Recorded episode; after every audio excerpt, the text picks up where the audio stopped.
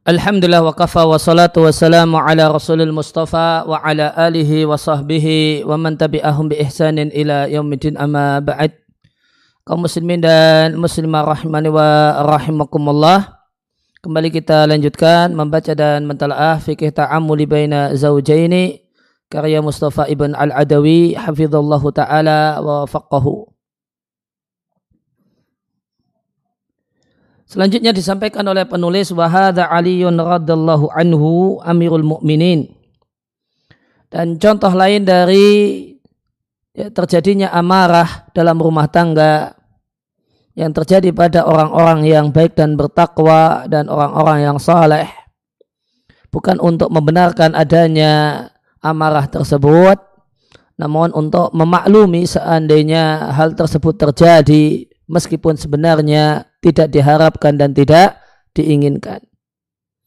Maka Ali radhiallahu anhu Amirul Mukminin seorang yang yuhibbullah wa rasulahu wa yuhibbullahu wa rasuluhu. Seorang yang mencintai Allah dan Rasulnya dan dicintai oleh Allah dan Rasulnya. Beliau marah dengan salah satu wanita sayyidat, wanita eh, mulia penduduk surga, yaitu istrinya As-Sayyidah Fatimah binti Rasulullah sallallahu alaihi wasallam wa radhiyallahu anha. Ya, dalil kalau Ali adalah orang yang mencintai Allah dan Rasulnya dan dicintai oleh Allah dan Rasulnya adalah hadis yang dikeluarkan oleh Al-Bukhari dan Muslim dari Salama ibn Al-Aqwa radhiallahu anhu. Walahu turukun ukhra.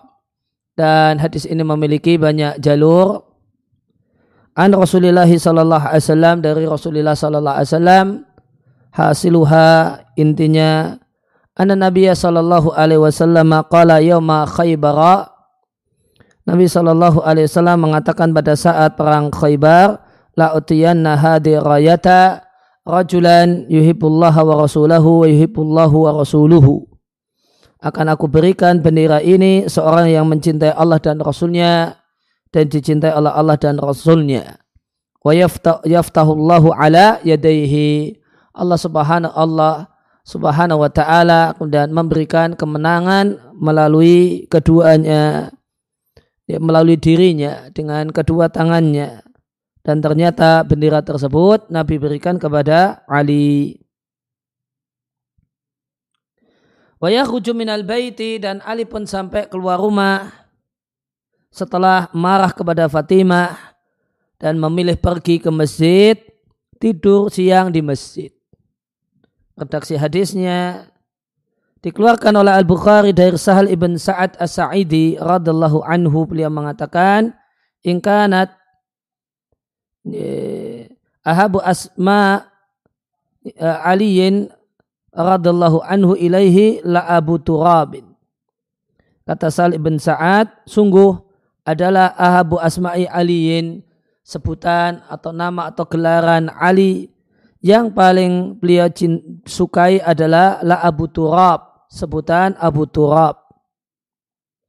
Wa in kana la yafrahu ayud'a biha.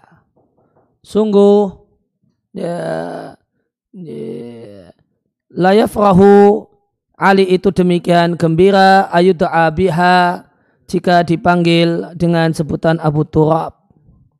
Wa ma sammahu Abu Turabin ila Nabi sallallahu alaihi wasallam. Dan tidaklah ada yang menyebutnya dan menggelarinya dengan Abu Turab kecuali Nabi sallallahu alaihi wasallam sendiri. Ceritanya ghadaba yauman Fatimata. Pada satu hari eh, Ali itu marah dengan Fatimah. Fakharaja maka Ali keluar rumah. Fataja'a ilal jidari fil masjidi beliau berbaring ya, di dekat tembok di masjid. Lantas datanglah ya, Nabi Shallallahu Alaihi Wasallam mengikutinya dan mengatakan, Wada mutajuun fil jidari. Atau faja'ahu lantas datanglah Nabi Shallallahu Alaihi Wasallam mencari-cari ia tabi'uhu mencari-cari Ali Fakal maka Nabi mendapatkan informasi ada yang memberi informasi setelah cari-cari huwadha muttaji'un fil jidari. Itu Ali sedang berbaring menuju tembok atau di dekat tembok. Lantas Nabi Shallallahu Alaihi Wasallam mendatangi Ali, wamtala'a dhahruhu turaba dan punggung Ali penuh dengan debu karena lantai masjid itu uh, debu atau berdebu.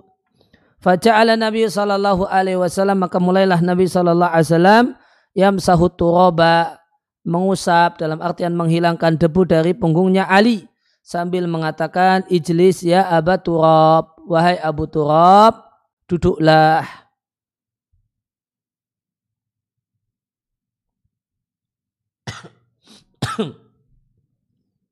ya demikian dalam riwayat Al Bukhari ya, melengkapi hal ini kita coba cari uh, penjelasan lebih lanjut untuk hadis ini.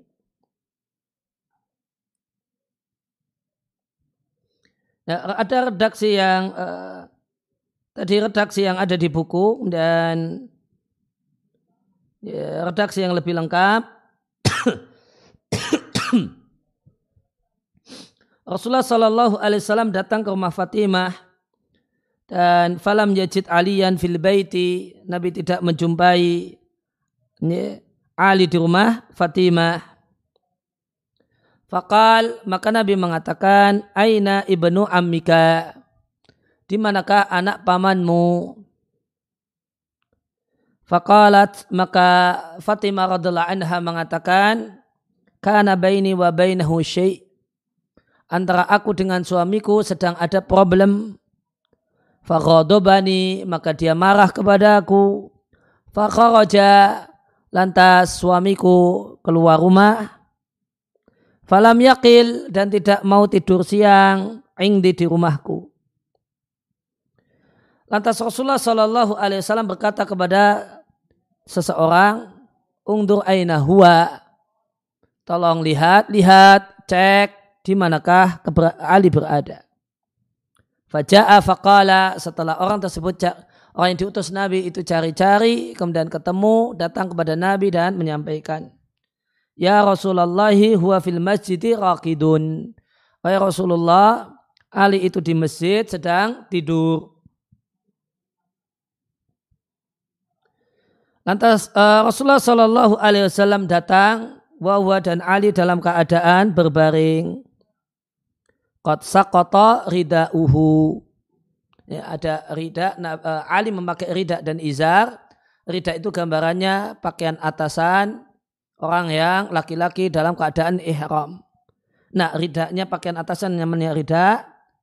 Ridanya jatuh ya, dari ya, sisinya jadi sehingga bagian uh, pundak dan punggungnya terbuka fa'asoba turabun maka ada tanah yang atau debu yang mengenai punggung Ali. Faja'ala Rasulullah sallallahu alaihi wasallam maka Rasulullah sallallahu alaihi wasallam datang dan mengusap debu tersebut dari Ali sambil Nabi mengatakan kum abaturab wahai orang yang kena debu berdirilah kum aba turab. Dalam riwayat Muslim, nah ini ternyata riwayatnya bukan hanya Bukhari, namun Bukhari dan Muslim.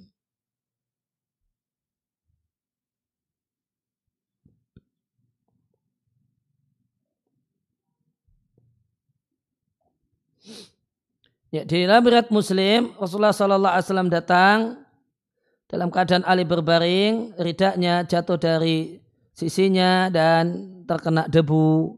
Rasulullah Wasallam mengusapnya sambil mengatakan ku abaturab kum abaturab.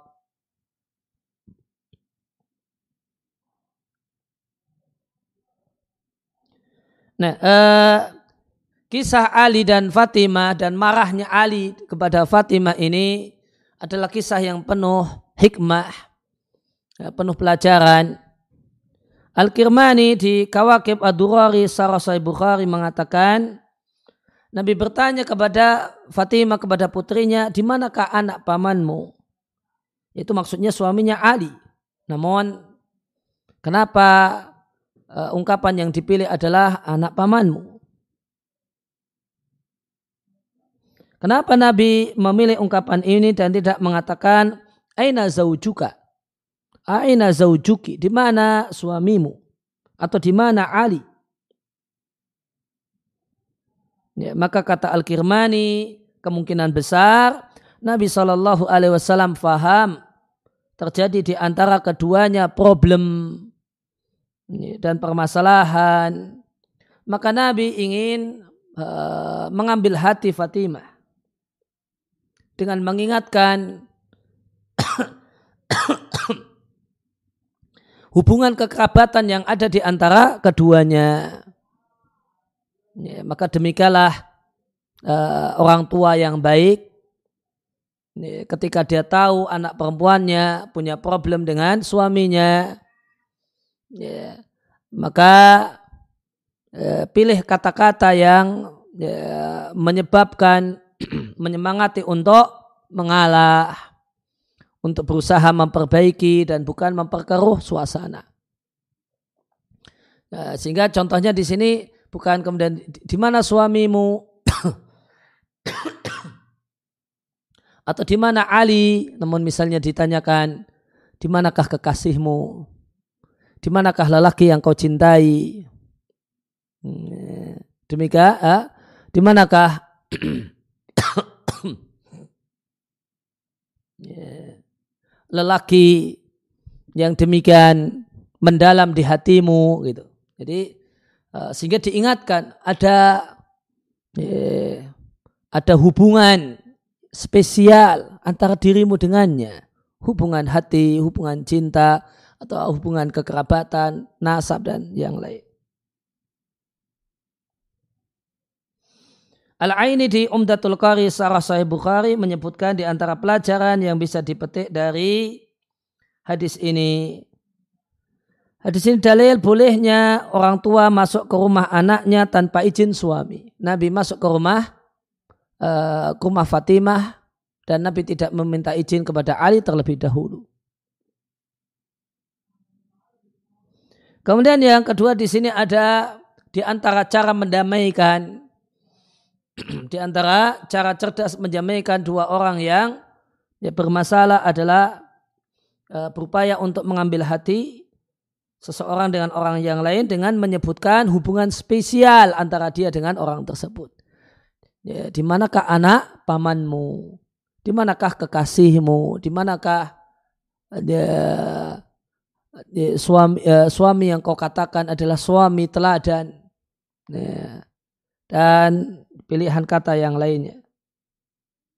Pelajaran yang lainnya adalah dibolehkan tidur di masjid meskipun bukan orang fakir dan bukan orang yang orang asing yang tidak punya rumah.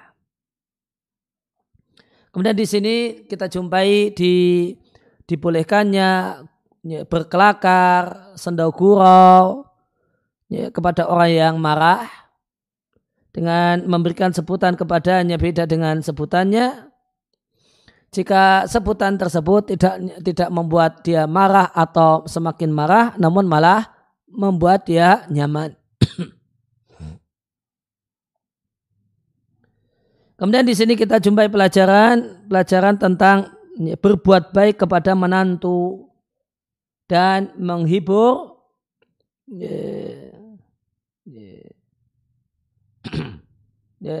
dan menghibur perkaranya ketika dia tidak ada.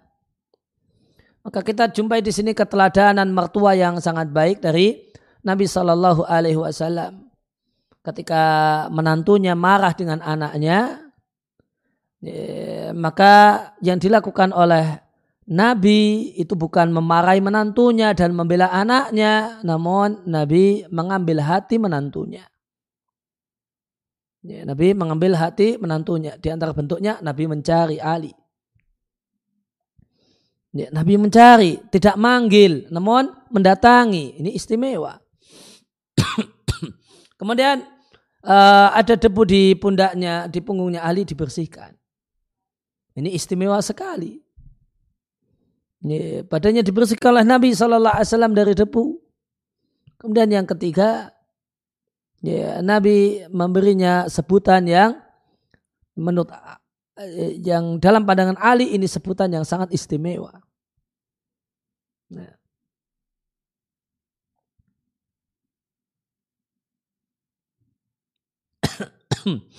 Pelajaran yang lainnya boleh berkunyah tidak dengan nama anak karena Nabi Shallallahu Alaihi Wasallam memberi kunyah untuk Ali dengan sebutan Abad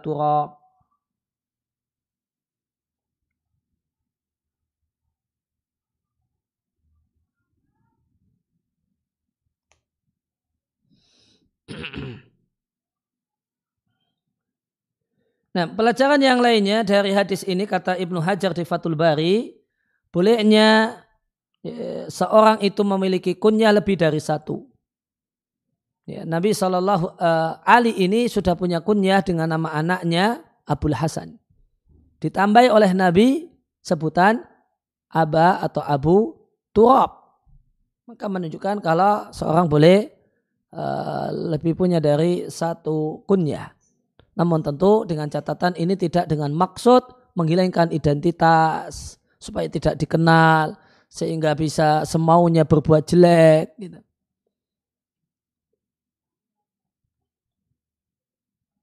Kemudian uh, hadis ini dalil bolehnya lakop atau sebutan dengan menggunakan uh, redaksi kunyah Abu atau Ibnu. Demikian juga kunyah boleh diambil dari keadaan seseorang. Kemudian bahasanya sebutan dan gelaran jika muncul dari orang besar untuk orang di bawahnya maka orang yang dibawa akan merespon dengan positif. Meskipun sebenarnya itu bukan uh, bukan sebutan yang maknanya pujian semacam ini Abu Turab.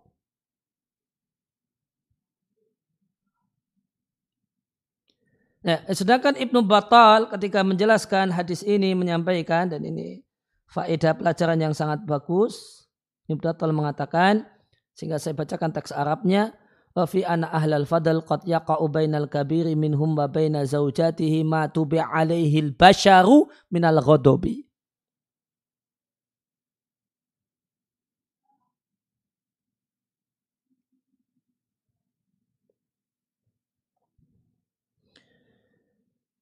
Nih, uh, dalam kisah Ali dan Fatimah ini terdapat dalil bahasanya manusia istimewa karena kesolehannya, karena ketakwaannya, karena ilmunya.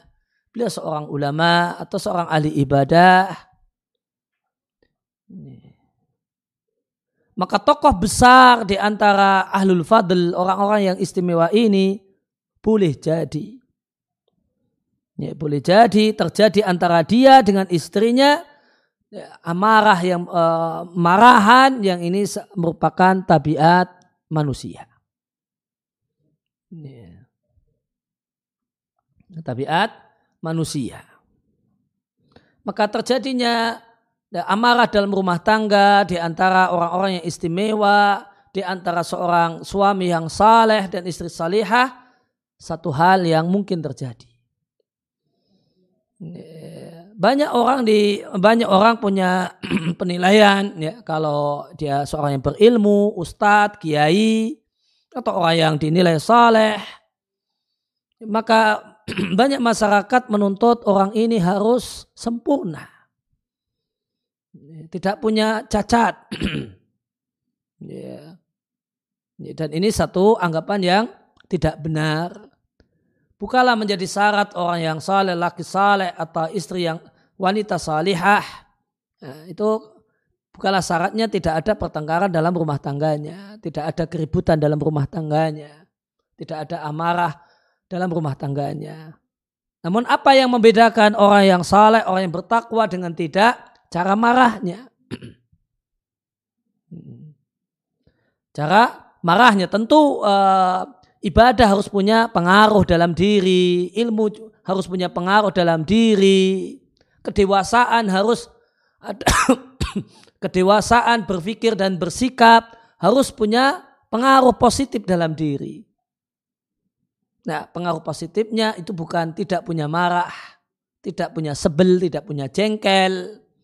Namun pengaruh positifnya adalah cara mengelola amarah, cara mengelola sebel, cara mengelola jengkel. Maka orang yang berilmu dan bertakwa tentu ketika dia seorang laki-laki yang bertakwa, seorang laki-laki yang saleh ketika dia marah dengan istrinya, maka dia tidak akan melakukan KDRT. Mukul istri, nempeleng istri, menempeleng pipi istri atau bibirnya sampai berdarah atau melakukan hal yang lainnya. Hmm. Dia tidak akan kemudian banting-banting. Yang dia tahu itu tidak ada manfaatnya. Dan bahkan jelas merusak. Banting piring, banting ini. Banting uh, pintu. Pintu jadi rusak karenanya. Nah ini ini pengaruh positif dari iman. Pengaruh positif dari ilmu. Demikian juga semestinya uh, wanita yang salihah ini tidak menjadi syarat dia harus tidak punya sebel sama suaminya, tidak punya jengkel sama suaminya. Namun pengaruh positif ilmu dan amal, ilmu dan ibadah adalah bagaimanakah menyikapi amarah, menyikapi jengkel. Ya, maka ya, ketika dia wanita salihah tentu dia tidak akan melakukan KDRT kepada suaminya. Karena KDRT itu bukan hanya suami ke istri istri ke suami juga bisa. Misalnya mungkul is, suaminya, ninju suaminya, atau nempeleng suaminya, atau mukul suaminya pakai nah, ini dan itu, atau kemudian meludahi suaminya, atau kemudian mengucapkan umpatan-umpatan ya, bahasa bahasa kemudian nama-nama hewan sama suaminya atau kemudian uh, apa kemudian banting piring, banting gelas, banting ini perabotan, banting ini mukul itu dan itu. Yang ini tindakan yang sel- yang tidak pantas ya, dilakukan oleh orang yang ya, punya ilmu atau punya ibadah dan amal di mana ilmu, ibadah dan amalnya itu memiliki pengaruh pada dirinya. Dan ini tidak akan dilakukan oleh orang yang punya kedewasaan dalam berpikir. Ya. Yang menimbang baik-baik segala apa yang diucapkan dan dilakukan. Tapi jadi eh, kemuliaan karena ilmu, karena amal dan ibadah itu tidak menghalangi untuk terjadinya sebel, jengkel, marah dalam rumah tangga. Cuma semestinya itu menghalangi untuk mengekspresikan sebel dan marah yang kelewat batas. Lihat indahnya amarah Ali dengan Fatimah. Ali tidak melakukan apa-apa. Ali memilih untuk pergi dalam rangka ya di antara nanti akan kita baca di antaranya ya supaya tidak berkata-kata atau melakukan tindakan yang tidak pantas ya, kepada seorang wanita yang mulia. Kita lihat.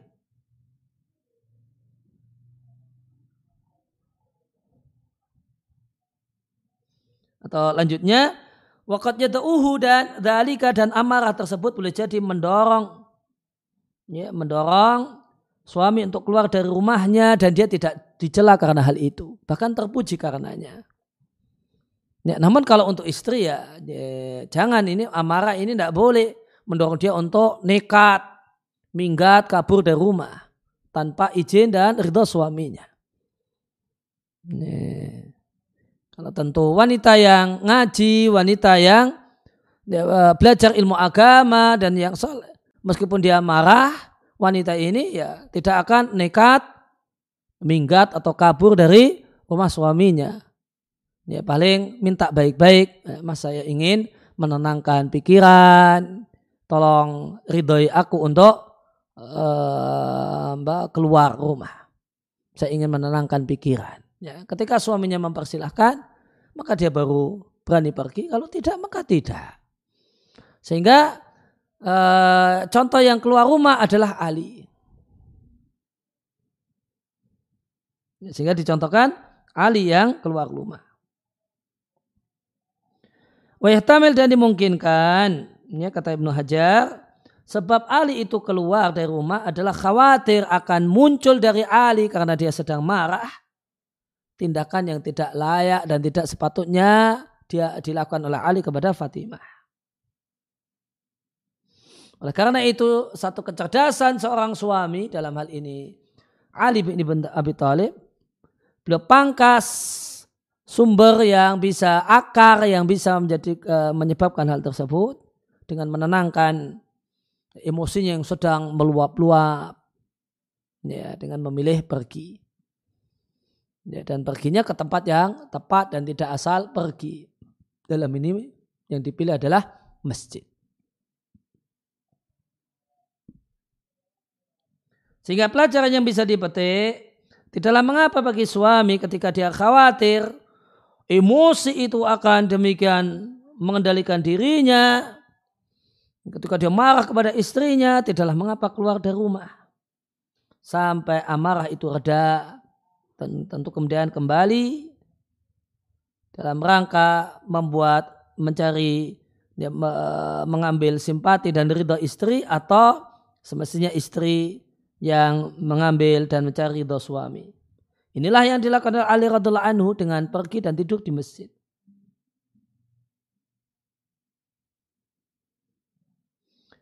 Wa min husni tasarrufi zaujah dan di antara pelajaran menarik yang lain adalah uh, bagusnya tindakan istri ketika terjadi antara dia dengan suaminya.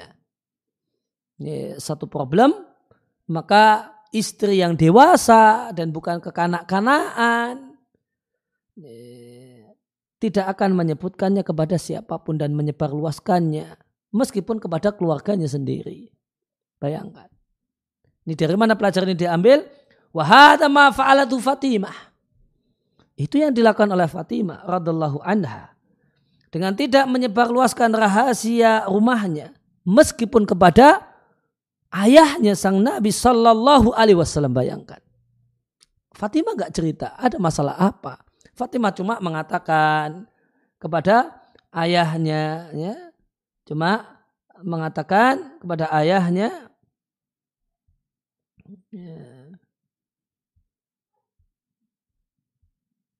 karena baini wa bainahu antara aku dengan dia sedang ada masalah. Kemudian detail cerita masalahnya apa. Dan kita lihat orang tua yang baik Nabi Shallallahu Alaihi Wasallam Nabi tidak kepo kata orang sekarang. Masalahnya apa sih gitu. Nabi uh, namun cara berpikir Nabi adalah cara berpikir solutif saja, solusinya saja. Ya, karena anaknya tidak mau cerita ya sudah tidak di uh, kata orang Jawa ditelitik-telitik lebih lanjut, dikorek-korek tidak. Kepo kata anak sekarang enggak. Ya, namun yang Nabi pikirkan adalah uh, ya, maka Nabi menggunakan kerangka berpikir solutif. Solusinya apa? Supaya ya, kondisi tegang itu menjadi cair kembali. Dan yang Nabi lakukan adalah dengan ya, bersikap baik kepada menantunya.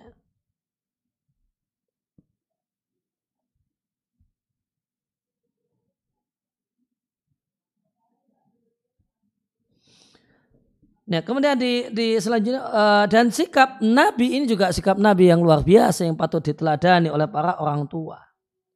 Menunjukkan inilah seorang yang bijak. Gimana bijaknya Nabi? Fi adami su'ali li Fatimah radhiallahu anha. Nabi tidak tanya-tanya, Nabi tidak korek-korek, Nabi tidak kepo dengan Fatimah. Amma baina hawa baina zaujiha. Apa yang terjadi antara dia dengan uh, dengan suaminya. Dengan demikian maka lingkaran perselisihan di antara keduanya tidak akan melebar. Demikian juga kita lihat di sini indahnya akhlak Nabi. Ya, dengan uh, bersikap lembut dan baik kepada menantunya. Padahal menantunya ini sedang punya masalah dengan putri kesayangannya. Namun lihat gimana lembutnya Nabi dengan menantunya. Nabi yang cari yang cari-cari nabi yang datangi, nabi datangi, debunya eh, di punggung penuh debu dibersihkan, masya Allah. Luar biasa.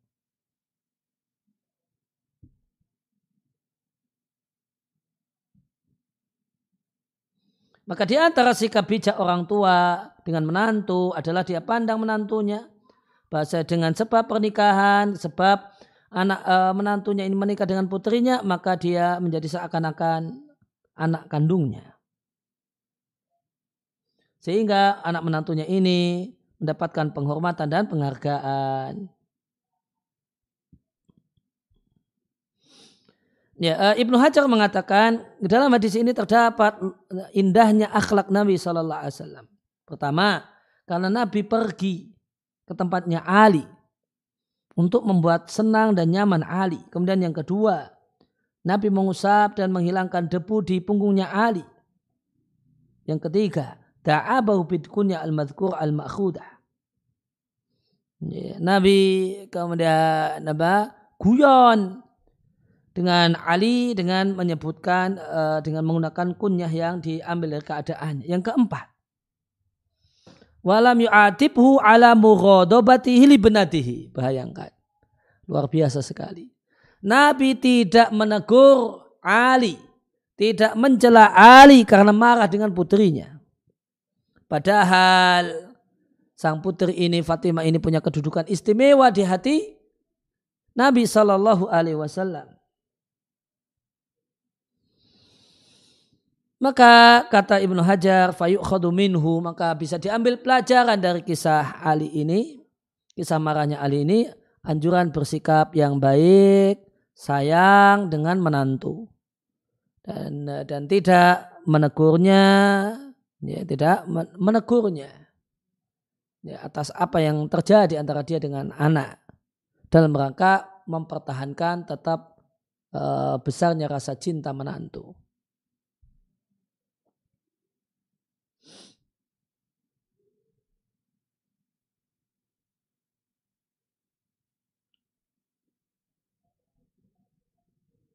Nah, itu pelajaran yang luar biasa yang bisa kita petik dari kisah marahannya Ali dengan Fatimah. Mudah-mudahan jadi ilmu yang bermanfaat untuk saya pribadi dan pada bapak dan ibu sekalian yang menyimak rekaman eh, kajian ini secara live ataupun secara eh, rekamannya. Ya, mudah-mudahan eh, eh, kita bisa eh, menjadi laki-laki dan wanita yang dewasa sehingga bisa bersikap yang baik, arif dan bijak dalam mengatasi berbagai macam problem rumah tangga. Demikian wasallallahu ala nabiyina Muhammadin wa ala alihi wasallam wa alamin subhanakallahumma bihamdika asyhadu an la ilaha illa anta astaghfiruka wa atubu ilaik.